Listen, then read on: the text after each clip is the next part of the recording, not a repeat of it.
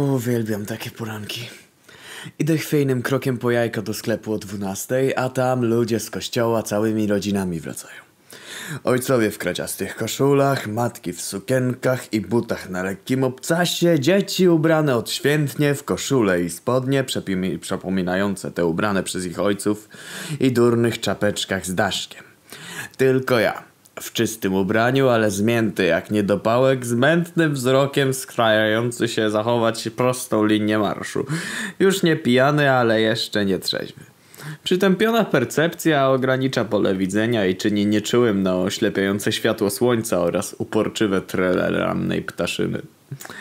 Pozwala jednak zauważyć te ukradkowe, zadumane spojrzenia ojców i mężów prowadzących swój niedzielny, rodzinny spacer, mówiące to idzie moja młodość, witalność. Też kiedyś taki byłem, ale teraz już nie mogę ze względu na rodzinę i odpowiedzialność. Bądź pozdrowiony, tęgi melanżowniku. Pokój z tobą. Cóż ja uczyniłem ze swoim życiem?